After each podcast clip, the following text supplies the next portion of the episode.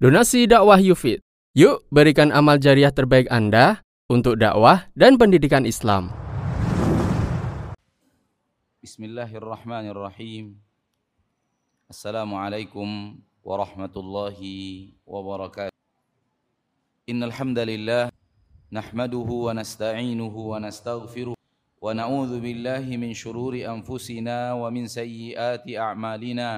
Man yahdihillahu فلا مضل له. ومن يضلل فلا هادي له. أشهد أن لا إله إلا الله وحده لا شريك له وأشهد أن محمدا عبده ورسوله. صلى الله عليه وعلى آله وأصحابه ومن تبعهم بإحسان إلى يوم الدين. وسلم تسليما كثيرا.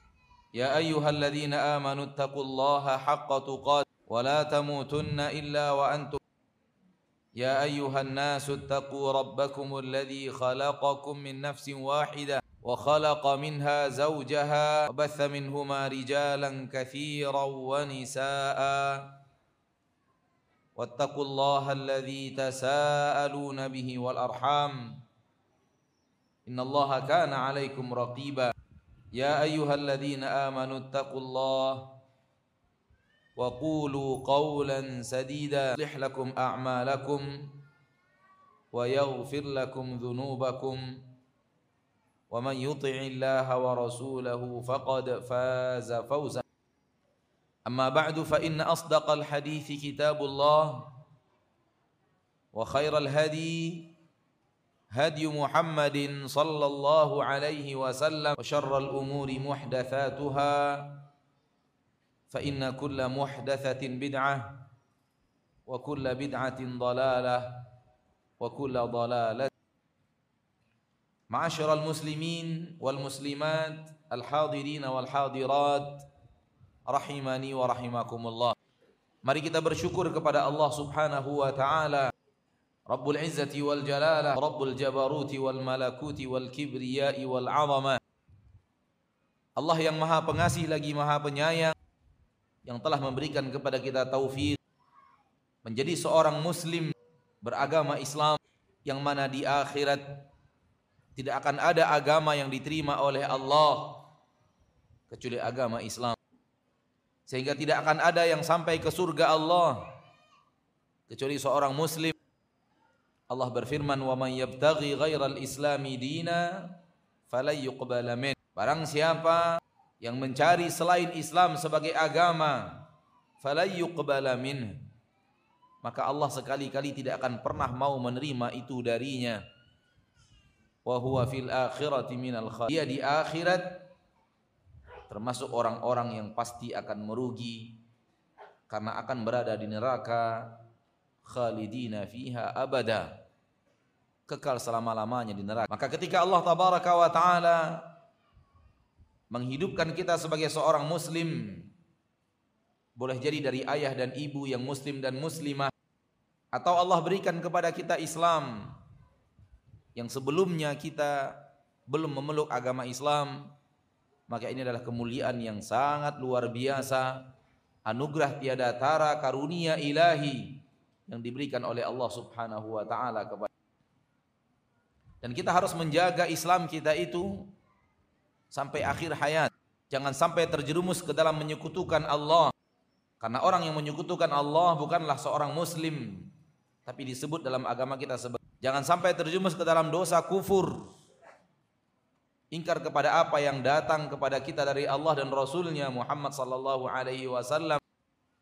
Karena orang yang mengingkari apa yang datang kepadanya dari Allah dan apa yang datang kepadanya dari Rasulullah sallallahu alaihi wasallam setelah dia tahu bahwa itu dari Allah dan Rasulnya dan tegak kepadanya hujjah bukanlah seorang akan tapi disebut kafir.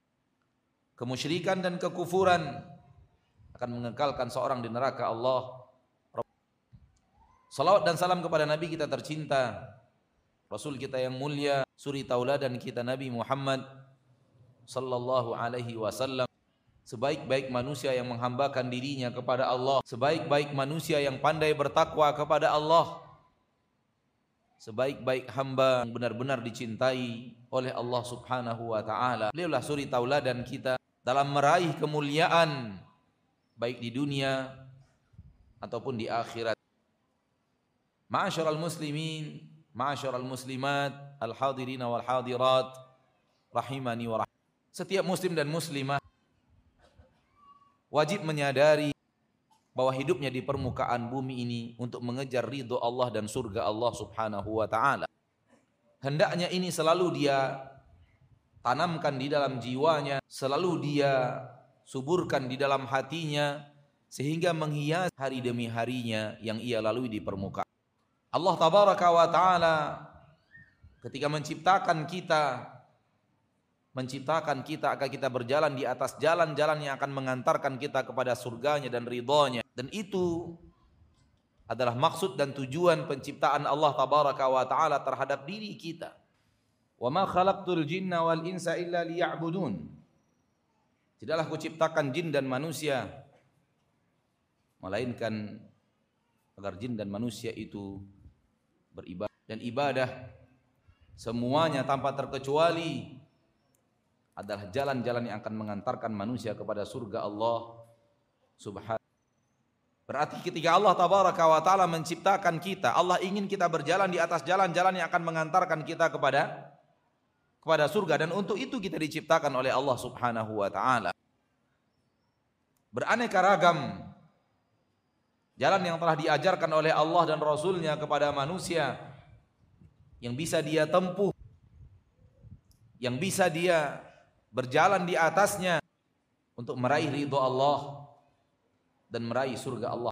Manakala ini ada di dalam hati kita dan tertanam indah di dalam jiwa kita, tertancap dengan kuat dan kokoh, maka biidnillahi azza wa jal kita akan hidup sesuai dengan yang diinginkan, sesuai dengan yang diridhoi oleh Allah Subhanahu wa taala dan dengannya biidnillahi azza wa jal kita akan memiliki kekuatan untuk membentengi diri kita dari makhluk-makhluk yang menginginkan kita keluar daripada jalan ibadah dan ketaatan siapa pun dia.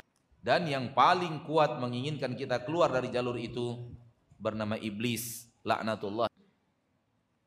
Saudara-saudariku kaum muslimin dan muslimat kita hidup di untuk beribadah kepada Allah. Dan pahala daripada ibadah yang kita lakukan di permukaan bumi itulah bekal kita nanti untuk kita gunakan di akhirat di sana tidak ada kesempatan lagi untuk mencari bekal. Tidak ada kesempatan lagi untuk beribadah. Karena kesempatan untuk beribadah hanya ada dalam kehidupan.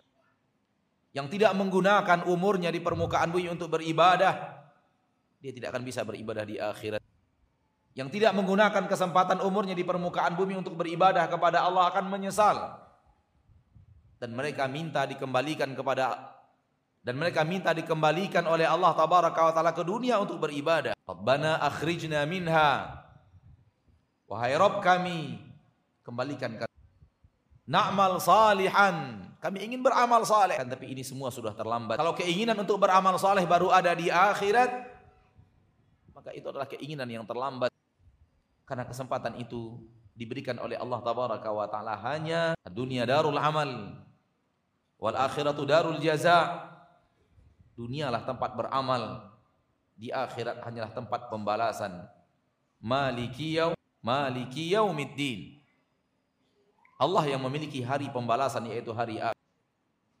Pada kesempatan yang berbahagia ini biiznillahi azza wa jal kita akan saling berbagi nasihat.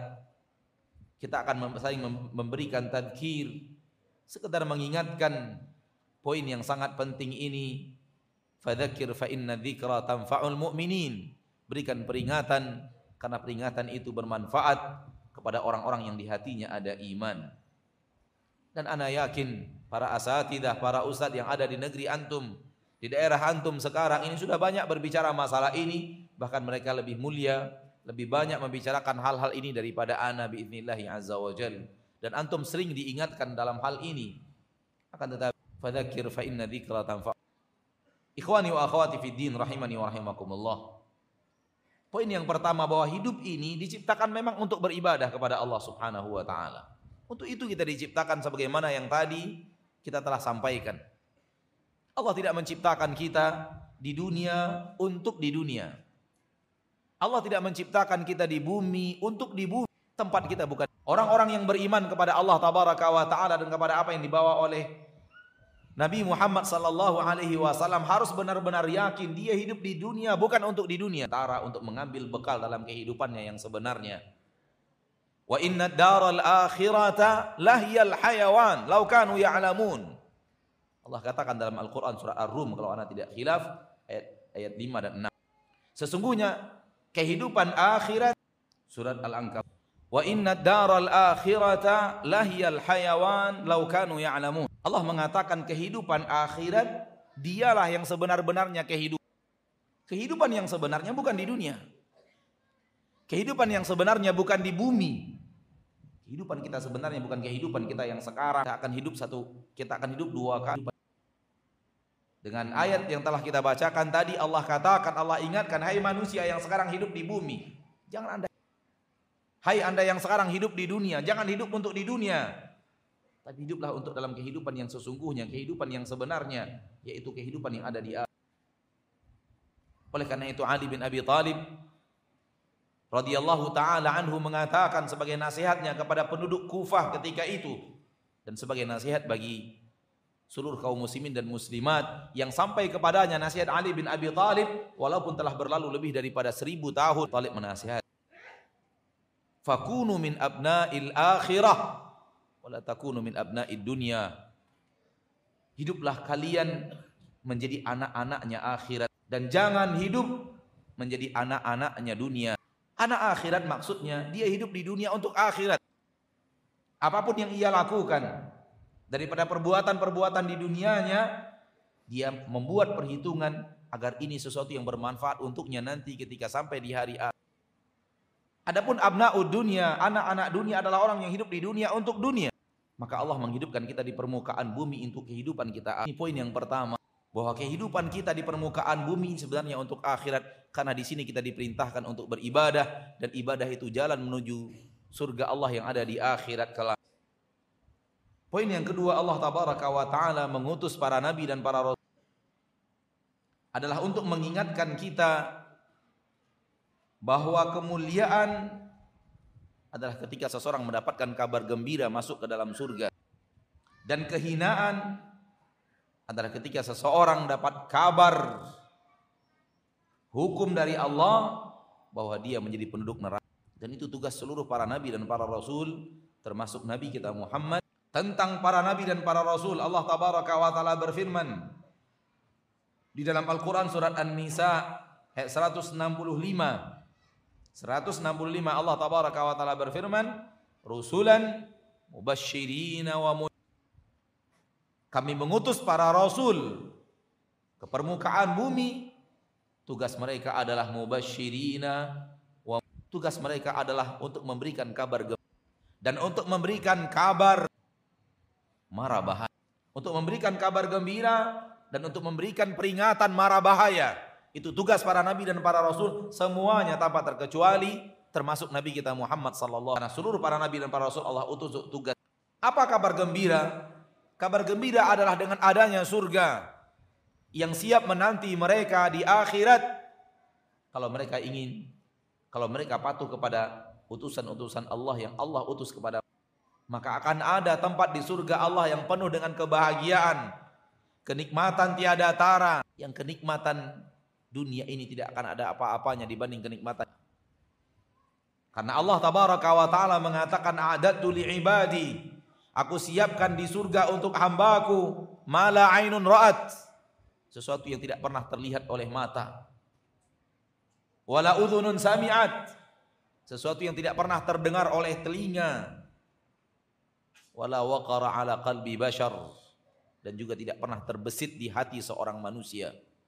Kenikmatan yang ada di surga yang para nabi dan para rasul datang membawa kabar gembira bahwa yang taat kepada apa yang yang Allah ajarkan kepada mereka melalui para nabi dan para rasul, tempatnya di sana.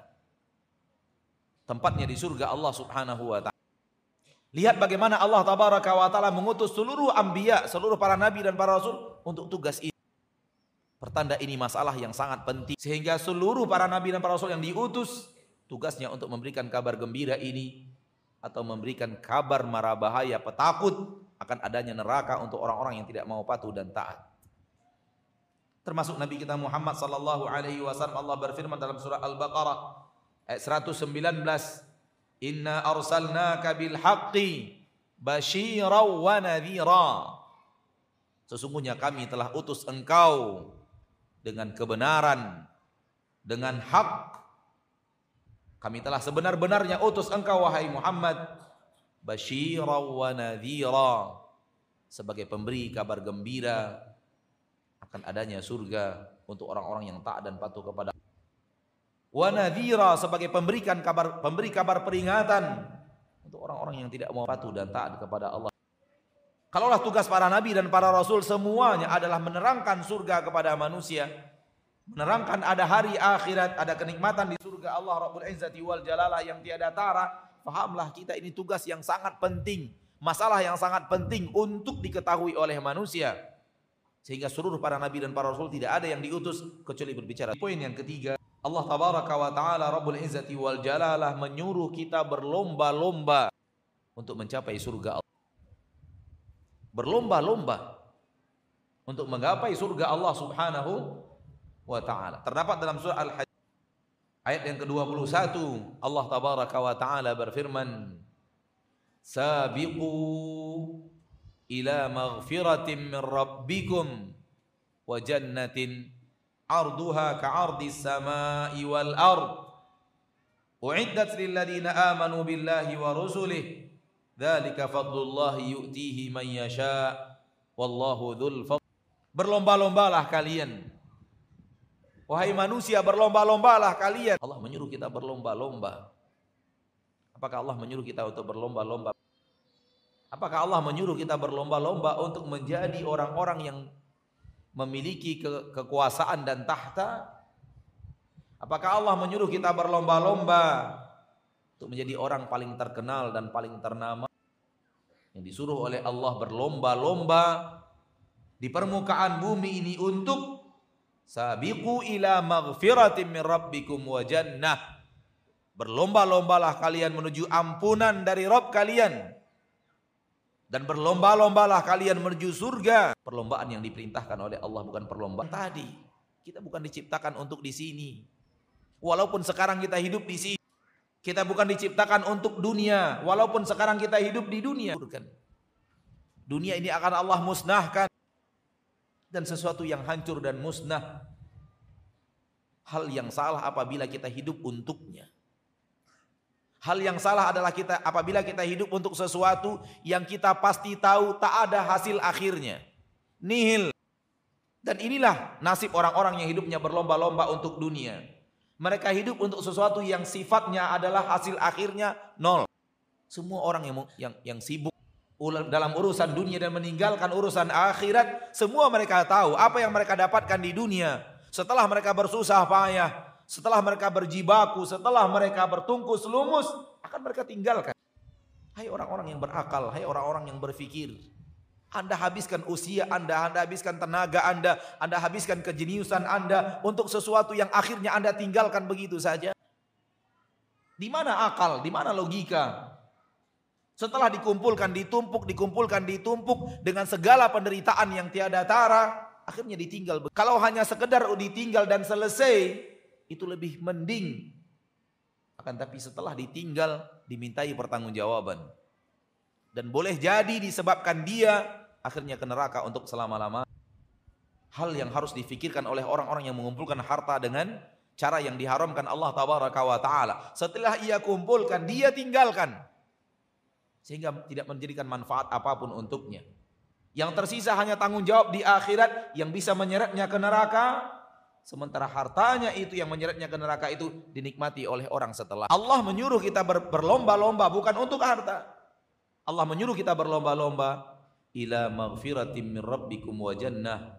Berlomba-lombalah menuju ampunan dari Rabb kalian dan berlomba-lombalah menuju surga yang luasnya bagaikan luas Allah menyebut dua yang harus kita selalu berlomba-lomba kepadanya. Kita saling kalah mengalahkan, kita saling ingin menjadi orang terdepan. Ini perintah ilahi. Yang pertama kepada ampunan Allah, yang kedua kepada surga Allah. Karena kita tidak akan mendapatkan surga Allah kalau tidak mendapatkan ampunan Allah Subhanahu wa taala. Seorang yang akan sampai ke surga Allah Subhanahu wa taala, dia harus melalui proses ampunan dari Allah Rabbul Izzati wal Jalal.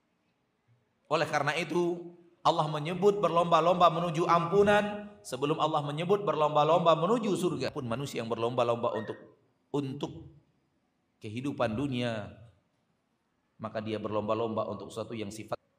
Di dalam ayat yang lain di dalam surat Ali Imran ayat 133 Allah mengatakan hal yang sama dengan ini. Tapi Allah menyebut kata-kata bersegera. Semangat berusaha dengan dengan kuat mirip dengan berlomba-lomba akan tapi di sini Allah menggunakan kalimat wasari'u bersegera lakukan dengan penuh semangat lakukan dengan tanpa rasa malas lakukan dengan penuh harapan untuk cepat sampai. Wasari'u ila maghfiratin min rabbikum wa jannah. Bersegeralah kalian menuju ampunan dari Rabb kalian dan menuju surga arduhas samawati wal ard. Yang luasnya bagaikan langit dan bumi uiddat lil muttaqin. Yang telah disiapkan untuk orang-orang yang bertakwa. Ketika Allah mengatakan telah disiapkan surga. Dan ini akidah Ahlussunnah wal Jamaah. Ini bahwa surga sudah sudah ada. Sebagaimana neraka pun sudah. Allah telah menciptakan surga dan para malaikat telah melihatnya. Nabi kita Muhammad sallallahu alaihi wasallam telah melihat dan Nabi Muhammad SAW telah menceritakan kepada kita apa yang ia lihat, di dalam surga. Dan Allah telah menceritakan kepada kita apa yang ada di dalam surga. Allah menyuruh kita untuk bersegera kepada surga yang sudah disiapkan. Untuk siapa? Untuk orang-orang yang bertakwa. Maka perintah bersegera, perintah untuk berlomba-lomba adalah perintah daripada Allah Rabbul Izzati wal Jalalah kepada kita untuk kita jadikan sebagai hal yang harus kita lakukan. Saudara-saudariku, jangan berlomba-lomba dengan saudaramu dalam urusan dunia. Jangan berlomba-lomba dengan saudaramu dalam urusan yang pasti akan engkau tinggal. Jangan berlomba hal yang pada dasarnya hanyalah kenikmatan semu. Berlombalah untuk yang kekal abadi Berlombalah untuk hal yang tidak akan pernah terputus.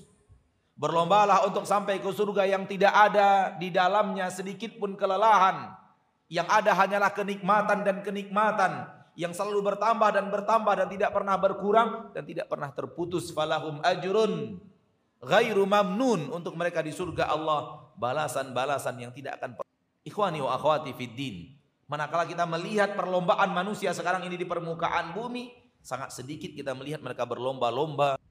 Perlombaan menuju surga ini sangat sedikit kita lihat dari kehidupan. Walau manusia ingin surga banyak, tapi yang berlomba-lomba menuju surga ini jumlahnya sangat berbeda dengan para sahabat Rasulullah sallallahu alaihi wasallam. Generasi pertama umat Islam, mereka terlihat berlomba-lomba di dalam kebaikan. Mereka terlihat saling kalah mengalahkan untuk mencapai surga Allah Subhanahu wa Anas bin Malik dalam hadis yang sahih meriwayatkan dari Nabi kita tercinta sallallahu alaihi wasallam ketika beliau mengatakan datang kepada Nabi sallallahu alaihi wasallam sekelompok orang-orang fakir kota datang kepada Nabi SAW sekelompok orang-orang fakir di kota. Lalu berkata kepada Nabi kita Muhammad sallallahu alaihi wasallam, "Ya Rasulullah, wahai Rasulullah, dhahaba ahlu Wahai Rasulullah, orang-orang yang memiliki harta hanya mereka yang dapatkan pahala. Pahala hanya untuk orang kaya ya Rasulullah. Sementara kami tidak bisa mendapatkan pahala. Orang-orang fakir kota Madinah datang kepada Nabi mengeluhkan dia tidak bisa mendapatkan pahala sebagaimana yang didapatkan oleh orang kaya.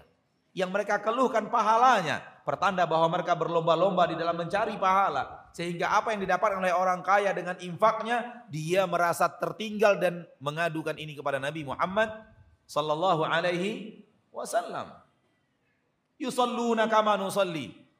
Mereka saudara-saudara kami yang memiliki harta bisa salat sebagaimana kami salat. Wa yasumuna kama nasum. Mereka bisa puasa sebagaimana kami berpuasa. Wa Yatasaddaquna bifuduli amwalihim. Namun mereka bisa bersodakoh dengan kelebihan harta yang ada pada mereka sementara kami tidak bisa. Akhi fiddin. Yang dikadukan, yang dilirik oleh orang fakir kota Madinah bukanlah hartanya orang orang kaya daripada daripada mereka. Namun yang dilirik adalah pahala sodakohnya ini menunjukkan mereka adalah orang yang yang berlomba-lomba. Sehingga ketika tidak ada tidak mendapatkan kesempatan mendapatkan pahala sodakoh ini yang mereka keluhkan kepada Nabi kita Muhammad sallallahu dan hadis ini menunjukkan bagaimana para sahabat Rasulullah sallallahu alaihi wasallam benar-benar iri kepada saudaranya mendapatkan keutamaan pahala yang dia tidak dapatkan. Iri kepada saudara-saudaranya yang mendapatkan kemuliaan pahala untuk akhirat yang mereka tidak dapatkan.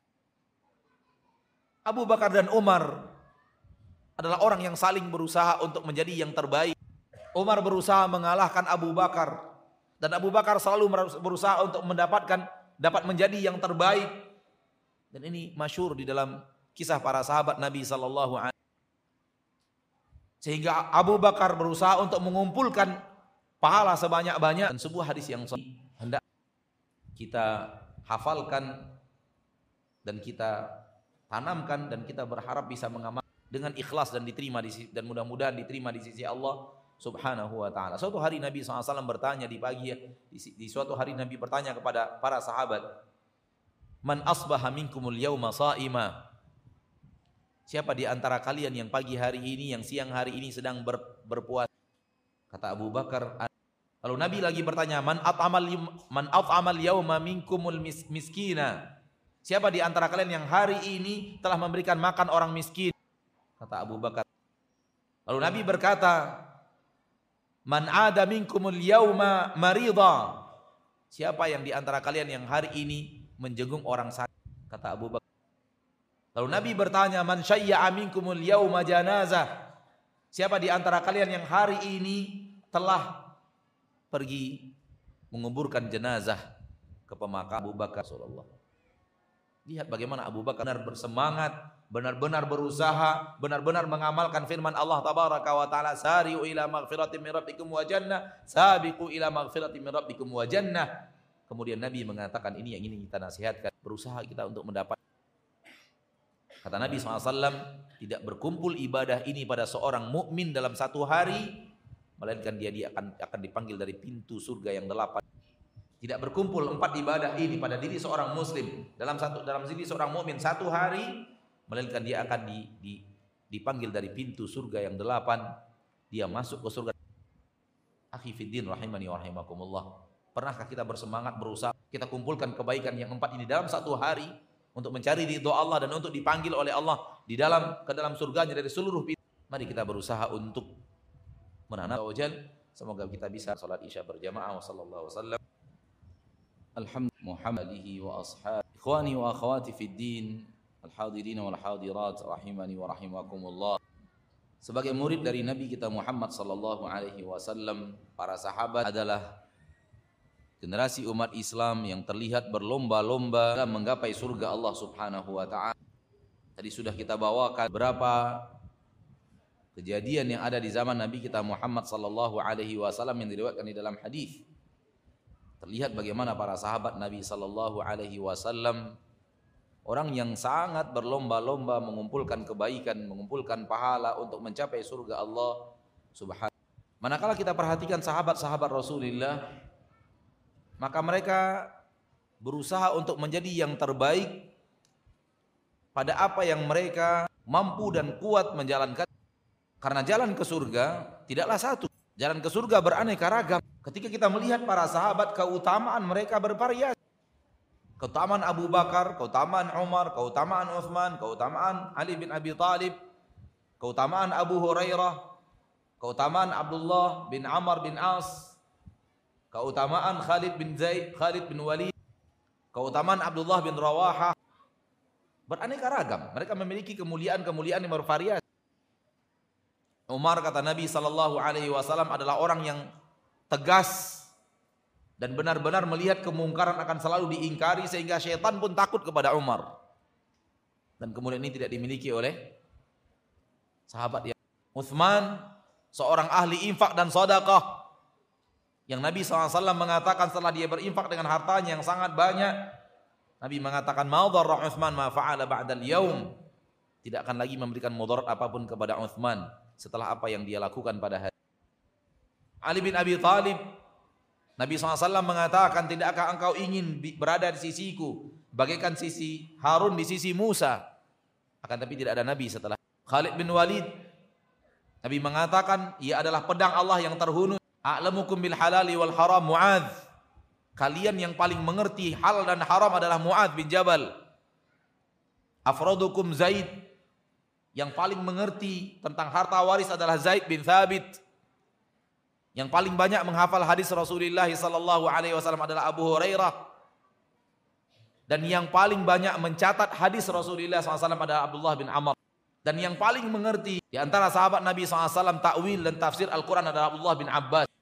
Lihat bagaimana para sahabat menjadi yang terbaik di bidangnya. Bukan berarti mereka semuanya berada pada posisi mengambil seluruh kemuliaan. Karena manusia tidak sanggup untuk menjalankan itu. Kecuali segelintir orang dan dan dan sedikit orang-orang yang mampu menjadi yang terbaik di segala-galanya. Akan tetapi para sahabat berusaha melihat apa yang terbaik daripada mereka dan berusaha untuk mengalahkan sahabat-sahabat yang lainnya dari sahabat Rasulullah sallallahu alaihi wasallam. Maka jadilah ini yang terdepan dalam ilmu hadis. Inilah yang terdepan dalam ilmu tafsir. Inilah yang terdepan di dalam mencatat hadis Nabi sallallahu alaihi wasallam. Ini yang terdepan di dalam kasih dan sayang ini yang terdepan di dalam keutamaan amar ma'ruf nahi mungkar. Ini yang terdepan di dalam sedekah. Bahkan ada yang terdepan di dalam sifat pemaaf dan tidak pernah memiliki hasad sedikit pun kepada seorang muslim. Abdullah radhiyallahu anhu wa ardah. Ketika Nabi kita tercinta sallallahu alaihi wasallam mengatakan bahwa beliau adalah penduduk surga. Para sahabat bingung apa kemuliaan, apa kehebatan Abdullah bin Rawahah sehingga Nabi SAW menjaminkan surga untuk beliau untuk beliau radhiyallahu taala anhu wa arda. Sampai-sampai Abdullah bin Amr kemudian menginap di rumah Abdullah bin Rawaha selama tiga malam untuk melihat dan memperhatikan apa yang dilakukan oleh Abdullah bin Rawaha sehingga dia mendapatkan jaminan surga dari Nabi Muhammad sallallahu diperhatikan malam pertama, hari pertama, malam pertama Diperhatikan hari kedua, malam kedua, tidak ada yang spesial. Tak ada yang nampak spesial dari yang lainnya. Ahli Al-Quran misalnya, atau ahli tahajud misalnya. Sampai malam yang ketiga Abdullah bin Amr bin As tidak menemukan apa pun yang ia cari. Yang dengannya dia ingin apa yang didapatkan, apa yang dilakukan oleh Abdullah bin Rawaha. Sehingga dia mendapatkan jaminan surga. Dari Turun wahyu dari Allah bahwa dia di hari yang ketiga setelah tidak mendapatkan apa pun di saat dia ingin meninggalkan rumah Abdullah bin Rawahah karena hak tamu tiga hari. Ketika seorang bertamu ke rumah kita, dia punya hak tiga hari makan dari makanan yang bisa kita persembahkan dan punya hak menginap tiga hari di tempat yang bisa kita siapkan. Tiga hari itu tidak dapatkan apa-apa, mengaku apa adanya kepada Allah bin Rawah. Sebenarnya saya datang karena Rasulullah SAW ketika tiga kali Rasulullah selalu mengatakan akan masuk kepada kalian sekarang dan tiga kali berturut-turut itu engkau Aku ingin melihat apa yang kau amal. Maksudnya tidak mendapatkan apa pun, suatu yang sangat spesial. Abdullah bin Rawah, aku tidak memiliki apa. Aku tidak memiliki lainnya. Namun satu yang aku tahu, kata Abdullah bin Rawah, tidak pernah dendam. Ikhwani wa akhwati fid din. Dari kejadian-kejadian biografi para sahabat Rasulullah sallallahu alaihi wasallam kita melihat mereka punya bidang-bidang tertentu untuk mendapatkan surga Allah karena mereka berlomba-lomba meraih surga Allah dengan cara mereka yang mereka terbaik, berusaha yang terbaik, menjadi yang terbaik di bidang hal ini bisa kita jadikan pelajaran penting dalam kehidupan. Apalagi di zaman kita sekarang, siapa yang akan bisa menjadi orang yang terbaik di segala bidang? Di dalam Al-Quran dia yang terbaik, di dalam hadis dia yang terbaik, di dalam sholat dia yang terbaik, di dalam puasa dia yang terbaik, di dalam bakti kepada orang tua dia yang terbaik. Siapa? Akan tetapi saudaraku pilihlah sebuah ibadah yang anda merasa paling mudah Anda melaksanakannya. Dan berusahalah dalam ibadah itu Anda menjadi orang yang terbaik dari orang-orang. Dan jadikan itu modal utama untuk meraih ridho Allah, modal utama untuk bisa sampai ke surga Allah Subhanahu wa taala. Allah menyuruh kita ber, berlomba-lomba. Apakah tidak ada dari sebanyak poin-poin yang akan bisa mengantarkan manusia ke surga, tidak ada satu poin yang kita berlomba-lomba dan berusaha menjadi yang terbaik di poin itu? Lalu mana berlomba-lombanya? Mana praktek kita kepada ayat Allah tabaraka wa taala berlomba-lomba untuk sampai ke surga Allah, berlomba-lomba menggapai surga Allah Subhanahu wa taala. Sebagian manusia mudah baginya salat. Maka berusaha Anda menjadi orang yang terbaik di dalam salat. Walaupun Anda tidak bisa mengalahkan saudara Anda di dalam Al-Qur'an. Ataupun yang lain. Sebagian orang dimudahkan Allah baginya puasa. Maka berusahalah untuk menjadi orang yang terbaik dari orang yang sekitar Anda soal puasa. Sebagian orang diberikan oleh Allah dan memudahkan untuknya Al-Quran. Dan tidak dimudahkan. Salat. Salat malam. Salat. Sebagian orang dimudahkan Allah untuknya berinfak. Mudah baginya untuk berinfak. Tapi puasa. Lihat apa yang Allah mudahkan untuk. Dan berusaha untuk mengalahkan orang-orang yang ada di sekitar Anda untuk bisa menjadi sesuatu skill hal yang terbaik yang Anda bisa persembahkan kepada Allah Rabbul Izzati wal Jalalah nanti di hadapannya ketika ia kita dipanggil menghadap. Ini nasihat anak kepada muslimin dan muslimat. Kalau rasanya tidak ada ini, tidak ada itu, tidak ada harta yang bisa kita persembahkan untuk berpuasa juga, cari yang lain. Tiru Abdullah bin Rawahah, bagaimana hati itu bersih dari hasad dan tidak ada yang bisa kita berikan harta, tidak ada yang bisa kita berikan ilmu, tidak ada yang bisa kita berikan daripada apa kepada kaum muslimin, paling tidak dia pernah benci kepada muslim mana pun. Kepada muslimah mana pun. Walaupun mereka ber, telah menyakiti kita. Tidak mungkin kita hidup dalam komunitas, bermasyarakat, dalam komunitas bergaul yang mana orang tidak memberikan keburukannya kepada kita, orang tidak memberikan aniayanya kepada kita, kita tidak tersakiti oleh orang lain itu mustahil. Tapi jadikan kita orang yang pemaaf, dendam kepada seorang muslim mana pun, tidak pernah memiliki sifat dendam kepada muslimah. Dan ini adalah jalan ke surga. Yang dengannya Abdullah bin Roha mencapai surga Allah dan mendapatkan jaminan surga padahal beliau masih hidup di permukaan bumi. Dalam bahasa apa skill anda untuk mendapatkan? Kalau pencinta-pencinta dunia anak-anak dunia sekarang ini berusaha mencari skill untuk mendapatkan harta dunia. Berusaha mencari skill untuk menjadi orang terbaik dalam meraih keuntungan di dunia menjadi orang terdepan dalam dalam masalah dunia. Kenapa kita tidak berlomba-lomba sebagai umat Nabi Muhammad sallallahu alaihi wasallam berlomba-lomba mencari skill kita Allah Subhanahu Kenapa? Maka berusahalah untuk mencari ibadah yang mudah, yang dimudahkan Allah bagi kita. Tidak akan mungkin semua ibadah tertutup. Pasti ada sesuatu yang lebih mudah daripada yang lainnya. Mudah memaafkan, mudah untuk Al-Qur'an, mudah untuk hadis, mudah untuk ilmu tafsir, mudah untuk puasa, mudah untuk berinfak dan bersedekah, mudah untuk Al-Qur'an, mudah sangat bermudah untuk berbakti kepada orang tua. Ini jalan ke Ma'asyarul muslimin, ma'asyarul muslimat, rahimani wa rahimakumullah.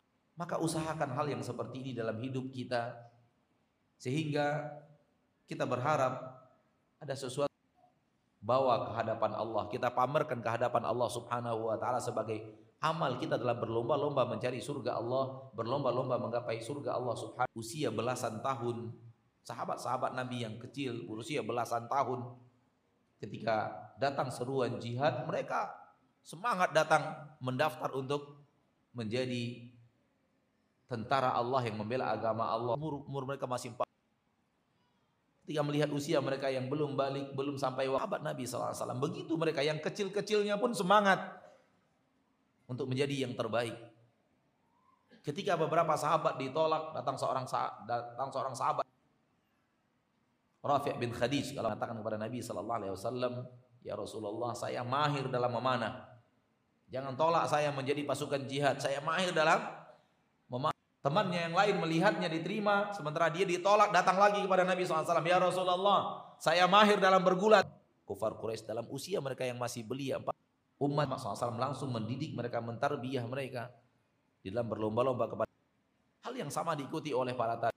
Seorang ulama ternama Abdullah Abdurrahman Al-Auza'i rahimahullah seorang tabi'in ketika mendengarkan keutamaan-keutamaan dan kemuliaan-kemuliaan para sahabat ridwanullahi alaihim ajmain dan bagaimana Allah tabaraka wa taala memberikan jaminan surga kepada mereka dia tidak tinggal diam dan dia berkata kepada murid-muridnya, "Lanuzahimannahum ala abwabil jannah." Kita insya Allah berusaha untuk beramal-amal yang terbaik agar kita ikut berdesak-desakan bersama para sahabat masuk surga. Dalam bahasa kita, dalam bahasa anak, anak terjemahkan lebih luas dengan mengatakan Abdul Rahman Al-Auza'i mengatakan kita ingin buat jalan ke surga macet untuk dilewati. Semangat mereka untuk sampai ke surga Allah. Ini kemuliaan yang mereka usahakan untuk sampai ke surga. Said bin Musayyib masih ulama kalangan tabi'in dari dari generasi tabi'in rahimahullah. mengatakan dan beliau ulama yang hidup di kota beliau mengatakan tidak pernah berkumandang azan Nabi sallallahu alaihi wasallam semenjak 30 tahun yang lalu. Melainkan saya sudah berada berapa tahun? 30 tahun. 30 tahun. Tidak pernah berkumandang azan dari masjid ini 30 tahun yang lalu melainkan saya sudah berada di masjid ini mendengarkan suara azan dari dalam. Dan ulama lainnya Muhammad bin Dinar mengatakan tidak pernah ber, sudah berlalu 40 tahun. Semenjak 40 tahun yang lalu tidak pernah imam takbiratul ihram melainkan saya sudah berada berapa tahun? Salafus saleh begini para sahabat begini para tabi'in berlomba-lomba mempraktekkan firman Allah Subhanahu wa taala di dalam ayatnya wasana sabiqu ila magfiratin min maka berusahalah kita bahwa kita minimal dalam satu poin. Kita berusaha menjadi yang terbaik. Kita pilih mana ibadah yang dimudahkan Allah Subhanahu wa taala untuk kita lalu kita menjadi yang terbaik. Berusaha menjadi yang terbaik berusaha yang lain kalah oleh kita di hadapan Allah dalam penilaian Allah Subhanahu Ikhwani wa akhwati fiddin. Allah Subhanahu wa taala memudahkan kepada Sebenarnya Allah tabaraka taala memudahkan Walaupun Allah telah membentengi surga dengan hal yang tidak disukai oleh nafsu, hal yang surumit, hal yang yang tidak disukai, huffatil jannatu bil makarih, akan tapi Allah telah memudah bukti bahwa Allah tabaraka wa taala ketika melihat kita ketika menyaksikan hambanya melakukan amal saleh berjalan di atas jalan ke surga Allah lipat gandakan pahala. Sementara ketika hamba itu berbuat maksiat tidak dilipat gandakan amal soleh apabila dilakukan oleh seorang insan oleh seorang muslim dan muslimah dan amal soleh adalah ke surga sebagaimana yang tadi kita katakan ini dilipat gandakan oleh Allah. Minimal 10 kali lipat. Itu minimal. Dan bisa mencapai ratusan. Bisa mencapai 700 Sebagaimana ayat yang sangat masyhur yang ada di dalam Al-Qur'an surah Al-Baqarah. Allah tabaraka wa taala berfirman, "Mathalul ladzina yunfiquna amwalahum fi sabilillahi kamathali habbatin ambatat sab'a sanabil fi kulli sumbulatin." Permisalan orang yang menginfakkan hartanya di jalan Allah bagaikan orang yang menanam satu biji dan satu biji itu menumbuhkan tujuh tangkai dan setiap tangkai menunjuk menumbuhkan seratus biji. Satu kebaikan yang dia lakukan Allah lipat gandakan menjadi berapa? 700. Lalu Allah katakan wallahu yudha'ifu liman yasha. Allah melipat gandakan untuk orang-orang yang ia inginkan. Khilaf para ulama dalam makna Allah melipat gandakan untuk orang-orang yang ia inginkan. Apakah maksudnya Allah lipat gandakan sehingga bisa lebih daripada 700? Tidak sampai 700 saja, tapi bisa lebih daripada 700. Karena setelah mengatakan Allah lipat gandakan sampai 700, Allah mengatakan Allah melipat gandakan untuk orang-orang yang ia inginkan. Apa apakah maksud daripada ayat ini? Bisa ada yang lebih daripada 700 ataukah lebih daripada 700? Maksimal kelipat. Paling tidak bahwa Allah melipat gandakan dalam dalam dalam kelipat gandaan yang luar biasa. Dan ini bukti bahwa Allah sebenarnya ingin memudahkan untuk kita jalan ke surga. Agar kita gampang untuk sampai kepada surga Allah Subhanahu wa taala. Bisa antum bayangkan akhi fiddin. Bisa antum bayangkan akhwati fiddin.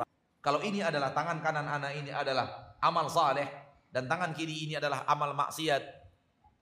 Satu amal saleh Allah lipat gandakan menjadi sepuluh, menjadi seratus, menjadi tujuh ratus. Langsung dia bergerak dengan jumlah yang sangat besar. Sementara maksiat kalau dilakukan dia bergeraknya satu-satu. Sesuatu yang dilipat gandakan, tiba-tiba banyak. Sementara maksiat hanya satu-satu bergeraknya. Satu maksiat, satu di, dianggap satu kesalahan. Tidak dilipat gandakan dosa. Ini menunjukkan bahwa amal soleh yang sangat banyak. Satu kita amalkan minimal sepuluh Allah berikan. Di dalam catatan. Atau Allah lipatkan sampai kepada tujuh ratus Dalam satu amal soleh. Sementara amal maksiat butuh tujuh ratus kali melakukannya. Baru sampai kepada angka. Ini hal yang sangat jelas bahwa Allah tabaraka wa taala sangat menginginkan kita tidak terjerumus ke dalam neraka Allah dan sangat ingin hamba-hambanya sampai ke surga Allah. Yang demikian itu karena Allah maha. Di antara makna bahwa di antara bukti bahwa Allah tabaraka wa taala sangat memudahkan kita jalan kita ke surga bahwa pintu maaf, pintu taubat Allah buka sepanjang usia. Amal soleh yang tadi telah diganda-gandakan dan amal maksiat yang tidak pernah digandakan naiknya satu-satu. Kalau ataupun ada seorang hamba yang amal maksiatnya jauh lebih banyak daripada amal salehnya, Allah tabaraka wa taala menyiapkan pintu maafnya, tetap membuka pintu taubatnya sampai sepanjang pintu taubat tidak pernah tidak ditutup oleh Allah Subhanahu wa taala sampai seorang manusia berhadapan dengan maut. Sampai seorang manusia berhadapan dengan sakratul maut baru pintu taubat ditutup oleh Allah Subhanahu wa taala. Innallaha yaqbalu taubata 'abdin malam yugharghir. Allah pasti akan menerima taubat seorang hamba sampai dia kematian gargara. Lihat. Dan hadis Nabi SAW yang tentang seorang dari Bani Israel yang telah membunuh 99 orang. Lalu bertanya, adakah cara untuk bertaubat? Diarahkan kepada seorang ahli ibadah yang tidak berilmu. Ahli ibadah itu mengatakan, dia marah dan emosi, dia bunuh orang itu. Sehingga dengan membunuh ahli ibadah itu, genaplah orang yang dibunuh berapa? Kemudian dia ingin kembali bertaubat dan bertanya siapa yang akan menunjukkan kepada saya orang yang bisa mengajarkan taubat kepada bisa menghalangi antara engkau masih hidup? Taubat. Dia bahagia. Dan dia benar-benar serius di dalam taubat. Ahli ilmu di sini bahagian daripada syariat hijrah. Kalau kita akan bertemu dengan orang-orang yang akan menghancurkan hidup kita dan agama kesempatan dan kita tidak punya kekuatan untuk melawan mereka pindah kepada negeri yang kita aman melaksanakan ibadah dan ketaatan kepada Allah dan tidak mereka tidak mempengaruhi kita untuk berbuat maksiat. Orang ini hidup di kampungnya, di kampungnya banyak teman-teman yang akan mengaruhinya untuk kembali ke jalan yang lama. Alim itu mengatakan tinggal yang lain pindah ke negeri seberang yang di sana banyak orang beribadah kepada Allah dan mulailah beribadah. Lama setelah itu dia meninggal oleh Allah atau tidak Allah diterima atau tidak oleh Allah taubatnya diterima dan itu detik terakhir daripada hidup. Bahkan ada seseorang di zaman Nabi kita tercinta sallallahu alaihi wasallam yang datang kepada Rasulullah SAW ketika akan berjihad dan ketika itu dia masuk agama Islam. Dan ketika itu dia bertanya kepada Nabi kita Muhammad sallallahu alaihi wasallam, "Kalau sekarang saya berjihad membela agamamu dan saya wafat, apakah saya akan ke surga ya?" Maka dia berjihad, berjihad bersemangat membela agama Allah sampai kemudian surga walaupun lihat bagaimana Allah memudah dan Allah siapkan itu sampai akhir-akhir sampai saat akhir daripada usia. Maka jangan sampai pintu ini tertutup baru kita ingin untuk bertaubat kepada Allah Subhanahu wa taala. Jangan sampai kesempatan yang luas tidak kita manfaatkan untuk bertaubat dan mendapatkan pintu surga Subhanahu wa taala untuk orang ikhwani wa akhwati fiddin. Rahimani wa ini bermanfaat untuk menggapai surga Allah ciptakan. Dan Allah menyiapkan untuk kita hal-hal yang sangat banyak untuk menarik kita kepada surganya. Allah turunkan Al-Quran, Allah utus para nabi dan para rasul, Allah berikan akal untuk berfikir, Allah berikan fitrah syariat Allah Subhanahu wa taala dan agama bukannya apakah boleh? Harus. Bukannya apakah boleh? Seolah-olah nggak boleh. Seolah-olah apa? Seolah-olah tidak boleh. Apakah boleh kita beribadah mengharapkan surga dari Allah? Kita harus beribadah dengan penuh harapan surga. Dan itu sifat orang-orang yang dicintai oleh Allah dan itu sifat para nabi dan para rasul. Allah tabaraka wa taala berfirman tatajafa junubuhum anil madaji yad'una rabbahum khawfan wa tama'a Tulang rusuk mereka itu jauh dari tempat tidur. Mereka berdoa beribadah kepada Rob mereka. Khaufan wa tama'a. Penuh dengan rasa takut kepada Allah dan murkanya. Dan penuh dengan rasa harap kepada ridho Allah dan ganjaran yang ada di sisinya. Dan ganjaran yang ada di sisi Allah adalah Lihat ayat-ayat tadi ketika Allah tabaraka wa taala menjanjikan surga untuk orang-orang yang berlomba-lomba, menyuruh kita berlomba-lomba sampai ke surga. Dan banyak ayat di dalam Al-Quran Allah menjanjikan surga untuk orang yang beriman dan beramal saleh. Allah menjanjikan surga untuk orang yang bertakwa. Semuanya menunjukkan bahwa kita disuruh beribadah dan mengharapkan ganjaran di sisi Allah, mengharapkan ridho Allah dan mengharapkan ganjaran di sisi Allah Subhanahu. Bahkan Rasul Shallallahu Alaihi Wasallam menyuruh kita minta surga kepada Allah. Dan ketika Rasul menyuruh kita minta surga, Rasulullah SAW suruh kita minta surga yang paling tinggi, surga yang paling sempurna. Kata Nabi SAW, idza sa'al idza sa'al idza sa'altumullah al jannah kalau kalian meminta surga kepada Allah minta surga firdaus. Fa innaha a'lal jannah. Dia surga yang paling tinggi wa awsatul jannah. Surga yang paling sempurna nikmat yang ada di dalam. Wa saqfuhu rahman. Dan atap daripada surga Allah itu adalah arsy Allah Rasulullah menyuruh kita meminta surga kepada Allah dan menyuruh kita meminta surga yang terbaik dengan semua yang ada ini kemudian kita mengatakan tidak boleh beribadah untuk mengharapkan surga. Justru beribadah itu jadi semangat ketika kita mengidam-idamkan surga Allah Subhanahu. Ikhwani wa akhwat, ada sebuah sekelompok orang yang menganggap ini salah dan akidah ini tidak benar. Ia mengatakan kalau kita beribadah mengharapkan surga berarti kita berbuat syirik. Karena kita mengharapkan surga Allah dan surga Allah adalah makhluk. Ini akidah yang batil.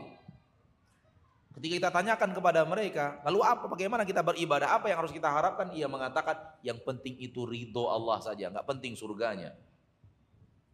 Nabi kita Muhammad sallallahu alaihi wasallam ketika sholat tahajud, apabila melewati ayat-ayat surga, minta dulu surga kepada Allah tiga kali baru lanjut.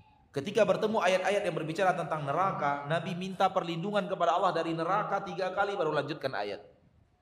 Sebagaimana diriwayatkan di dalam hadis-hadis Rasul kita Muhammad sallallahu alaihi wasallam. Nabi minta surga tiga kali baru lanjutkan ayat. Bertemu ayat soal neraka, Nabi minta perlindungan dari neraka baru lanjutkan.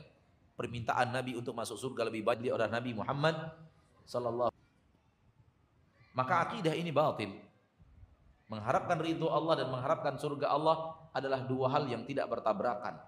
Dia berjalan sehingga sebahagian orang ada yang terjerumus ke dalam hal ini. Ya kata yang penting bagiku adalah ridho tidak tidak beribadah untuk mengharapkan surgamu. Yang penting bagiku ridhomu. Kalau ataupun engkau letakkan aku di neraka dan engkau Ya akhi, anda membolak-balikkan agama. Kapan Allah berbicara ada orang yang ia, kapan Allah mengatakan kepada kita ada orang yang ia ridhoi, ada hamba yang ia ridhoi, lalu Allah letakkan di neraka. Kapan? Mana ayatnya, mana hadisnya? Seluruh ayat yang berbicara, radhiyallahu anhum wa. Allah telah ridho kepada mereka dan mereka telah ridho kepada Allah. Semuanya Allah katakan wa yudkhiluhum jannatin tajri min tahtihal anhar. Allah masukkan mereka ke dalam surga yang mengalir di bawahnya, khalidina fiha. Mereka kekal di dalamnya. Semua ayat tentang Allah ridho kepada mereka, mereka ridho kepada Allah Subhanahu wa taala, Allah janjikan surga untuk mereka. Allah janjikan kebaikan untuk mereka dan balasan yang dan tidak pernah Allah bolak-balikkan agama Islam, membolak-balikkan ayat-ayat Allah tabaraka dan tidak pada tempat. Oleh karena itu ikhwani fiddin mengharapkan surga dari ibadah kita adalah sesuatu yang benar. Muhammad bin Salih Al-Utsaimin mengatakan, beratnya ibadah menjadi ringan di saat kita sangat harapkan janji Allah. Di saat kita benar-benar sangat mengharapkan janji Allah yaitu surga Allah dan balasan apa yang ada di sisinya daripada kebaikan-kebaikan yang luar biasa di surga Allah, ini yang menjadikan ibadah itu menjadi ringan. Karena manusia sangat yakin Orang yang beriman sangat yakin dengan apa yang dijanjikan Allah kepadanya dari surganya, dari nikmat-nikmat yang ada di surga, akhirnya dia semangat untuk beribadah ibadah-ibadah berat.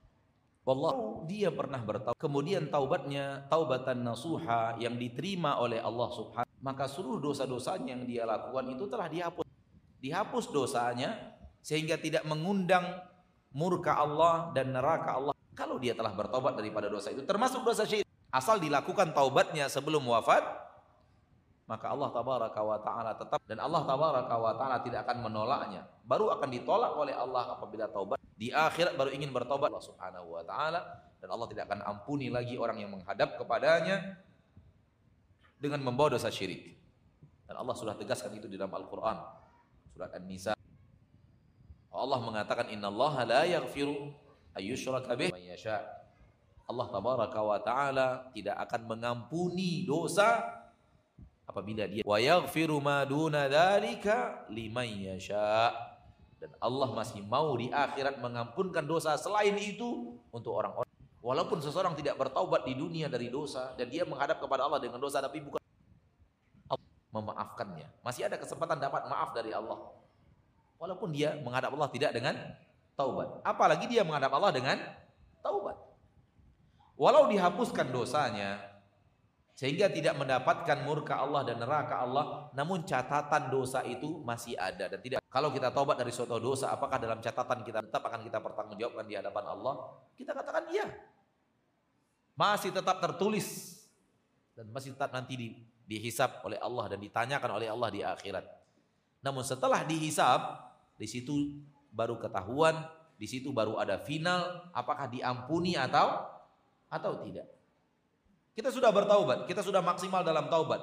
Segenap, kema segenap kemampuan kita untuk bertaubat telah kita lakukan. Namun sekarang ini kita tidak tahu diampuni atau tidak. Diterima taubat kita atau tidak, kita tidak tahu. Kapan kita tahunya? Kalau seandainya taubat kita diterima dan kita mendapatkan pengampunan dosa, dapat makfirah, ketika nanti saat dihisap, di situlah ketahuannya, di situlah baru kita tahu taubat kita diterima atau tidak, dan dosa-dosa kita diampuni. Seorang yang menghadap Allah dan masih seorang yang menghadap Allah dan dia pasti muslim, masih muslim, masih tetap di atas agama Islam. Tidak dihancurkan keislamannya dan tidak dihancurkan Islamnya dengan kekufuran atau kemunafikan besar dan kemunafikan besar itu sebenarnya adalah kekufuran yang disimpan-simpan. Selagi dia tidak hancurkan Islamnya dengan kesyirikan dan kekufuran, berarti dia masih muslim. Menghadap Allah dengan Islam yang masih ada. Dengan agama Islam yang belum hilang dari dirinya. Orang yang seperti ini di akhirat akan tetap lihat nanti ketika dihisap. Apakah dosa-dosanya diampuni?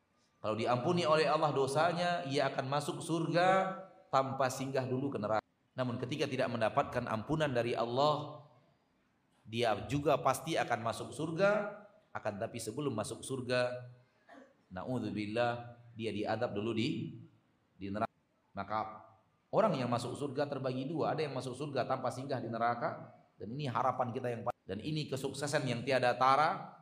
Dan ini kejayaan yang dikatakan oleh agama Allah di dalam Al-Qur'an sebagai kejayaan yang sebenarnya. Faman zuhziha 'anil nari wa udkhilal jannata faqad faz. Barang siapa yang dijauhkan dari neraka dan dimasukkan ke dalam surga, maka dialah orang yang sebenar-benarnya beruntung. Dialah orang yang beruntung dan dan mencapai ke kejayaan yang sebenarnya. Siapa? Orang yang dijauhkan dari neraka dan dimasukkan ke dalam surga. Dan ini cita-cita tertinggi kita. Masuk surga tanpa diadab. Namun ada lagi penduduk surga yang kedua. Yang juga masuk surga, namun sebelum ke surga karena dia tidak mendapatkan ampunan Allah, dia ke neraka. Maka kesempatan untuk ke surga bagi setiap muslim itu terang muslim tidak akan pernah kekal di di neraka Allah. Pun keadaan keluarga antum yang antum katakan kurang tidak bisa menjadi keputusan bahwa ini. Ya akhi Allah Betapa banyaknya orang yang kita anggap berilmu, kita anggap soleh, belum tentu di mata. Betapa banyaknya orang yang kita anggap awam, tapi di mata Allah adalah orang yang mulia, karena ada kemuliaan yang dia maka jangan pernah frustasi dengan keadaan keluarga kita dan berusahalah maksimal untuk berdakwah, menyampaikan agama, mengajak mereka kepada ketaatan, mengajak mereka ke majelis ilmu, memberikan hadiah-hadiah yang bermanfaat untuk mereka untuk agama Allah. Melihat wajah Allah adalah nikmat yang terbesar yang ada di surga Allah. Hadisnya sahih dari Imam Bukhari dan Muslim dari Abdullah bin Umar radhiyallahu anhu wa bahwa nikmat terbesar di surga Allah adalah bertemu langsung dengan Allah dan melihat kepada Allah. Kata Abdullah bin Umar radhiyallahu taala anhu Rasulullah SAW bersabda, "Idza dakhala ahlul jannatil jannah wa ahlun narin nar." Apabila penduduk surga sudah masuk surga dan penduduk neraka telah pula masuk neraka, maka Allah tabaraka wa taala berkata kepada penduduk surga, "Ya ahlal jannati saluni." Wahai penduduk surga, minta sesuatu kepada Penduduk surga berkata, Alam tubayyid wujuha. Apalagi yang akan kami minta ya Allah, bukankah engkau telah putihkan wajah kami dan bukankah engkau telah masukkan kami ke dalam Allah kembali berkata kepada penduduk surga, ya wahai penduduk surga, minta sesuatu kepada Kembali penduduk surga menjawab, Alam tubayyid wujuhana wa tudkhilana al-jannah. Tidakkah engkau telah wajib putihkan wajah kami dan tidakkah engkau telah Masukkan tiga kalinya Allah mengatakan ya ahlal jannati saluni. Wahai penduduk surga, minta sesuatu dariku. Kembali penduduk surga menjawab jawaban yang sama. Alam tubat. Tidakkah engkau telah farafa'a fakasyafal hijab. Allah mengangkat dan membuka hijab tabir yang selama ini membatasi antara Allah dan seluruh makhluk. Allah angkat hijab. Maka penduduk surga melihat kepada Rob mereka. Fama utu syai'an aladda ilaihim minan nadhari ila wajhi ila ila wajhi rabbihim atau kama qala sallallahu alaihi wasallam maka penduduk surga tidak diberikan nikmat di dalam surga yang lebih daripada nikmat melihat langsung kepada Allah Subhanahu maka pertemuan dengan Allah dengan melihat wajah Allah Subhanahu wa taala di akhirat berasal dari akidah yang sahihah berasal dari hadis yang sahih. Dalam hadis yang lain Nabi sallallahu alaihi wasallam mengatakan innakum satarawna rabbakum. Sesungguhnya kalian pasti akan bertemu dan melihat Rob kalian. Ya, saatnya di dalam surga Allah Subhanahu wa taala semoga kita ada di sana. Semoga kita bisa melihat langsung kepada Rob kita, Allah Subhanahu wa taala yang kita ruku dan sujud setiap hari kepada yang kita, kita rela meninggalkan apa pun demi mendapatkan ridho Allah Subhanahu wa taala.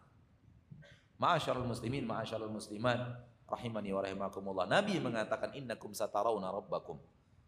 Sungguh kalian akan melihat Rob kalian. Katakan sungguh kalian akan melihat Rob kalian. Kama tarawnal qamara lailatal badr. Sebagaimana kalian melihat bulan di malam purnama la tudammuna fi ru'yatihi di mana kalian tidak perlu berdesak-desakan untuk melihat. Jadi tidak perlu berdesak-desakan sebagaimana kita tidak perlu berdesak-desakan melihat apa? Melihat bulan purnama. Ini tasbih Ar-ru'yah bir-ru'yah. Cara melihat Rob nanti di dalam surga tidak perlu berdesak-desakan. Setiap hamba yang ada di sana tidak perlu berdesak-desakan dengan saudara. Jadi pertemuan dengan Allah dan melihat Allah dan melihat Allah adalah surga, nikmat surga yang paling yang paling hebat bahkan ada di dalam Al-Qur'an. Di dalam Al-Qur'an Allah mengatakan lilladzina ahsanul husna wa ziyadah untuk orang yang berbuat baik di permukaan bumi, Allah akan berikan hal yang baik kepadanya di akhirat yaitu surga dan ada tambahannya. Dan Nabi SAW mengatakan tambahannya itu adalah melihat langsung kepada Allah Subhanahu